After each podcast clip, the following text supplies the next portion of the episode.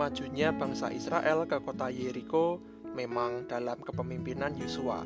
Yosua memang menjadi pemimpin yang sangat penting dalam pendudukan bangsa Israel di tanah Kanaan karena mereka harus menguatkan hati merebut daerah-daerah orang-orang Kanaan termasuk salah satunya kota Yeriko ini. Namun meskipun Yosua adalah pemimpin yang hebat itu semua bukanlah karena kemampuan Yosua sendiri atau karena kehebatan Israel sebagai bangsa yang besar.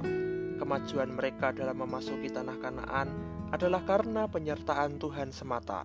Semua kehebatan dan kebesaran bangsa Israel, termasuk kepemimpinan Yosua, itu semua karena penyertaan dan karya Tuhan atas mereka. Oleh karena itu, ketika mereka maju menghadapi orang-orang Kanaan, mereka harus ingat kepada Tuhan dengan menguduskan diri, yakni melakukan yang Tuhan firmankan kepada mereka. Yosua 3 ayat 5 sampai 6.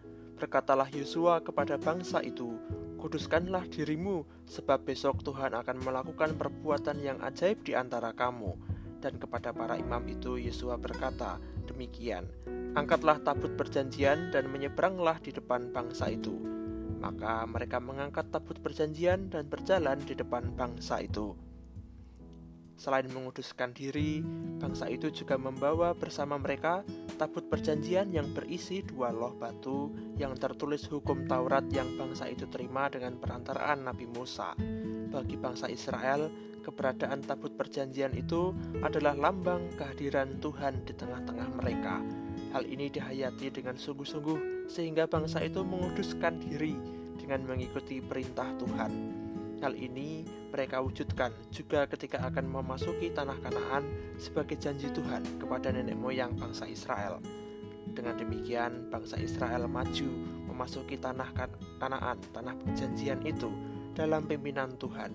Hidup manusia juga dihayati terus maju, bahwa selain karena waktu itu terus berjalan maju, kehidupan manusia terus berkembang menjadi lebih baik. Perkembangan dan kemajuan ini terkadang menghadapi tantangan, baik dari luar diri manusia atau dari dalam dirinya. Kita tentu pernah mengalami hal seperti ini. Namun, dalam kemajuan hidup ini, hendaknya kita selalu yakin karena kita sedang maju dalam pimpinan Tuhan sebagaimana bangsa Israel menghayati kehadiran Tuhan di tengah mereka melalui keberadaan tabut perjanjian, kita percaya bahwa Tuhan yang Maha Hadir dan Maha Kasih senantiasa menolong kita untuk terus maju dalam hidup kita. Kemajuan itu kita alami dalam hidup pribadi, keluarga, komunitas, tempat kerja, bahkan di tengah-tengah masyarakat. Kemajuan itu terjadi dalam berbagai bidang, dan Tuhanlah yang memimpin kita untuk terlibat dan mengalami itu semua.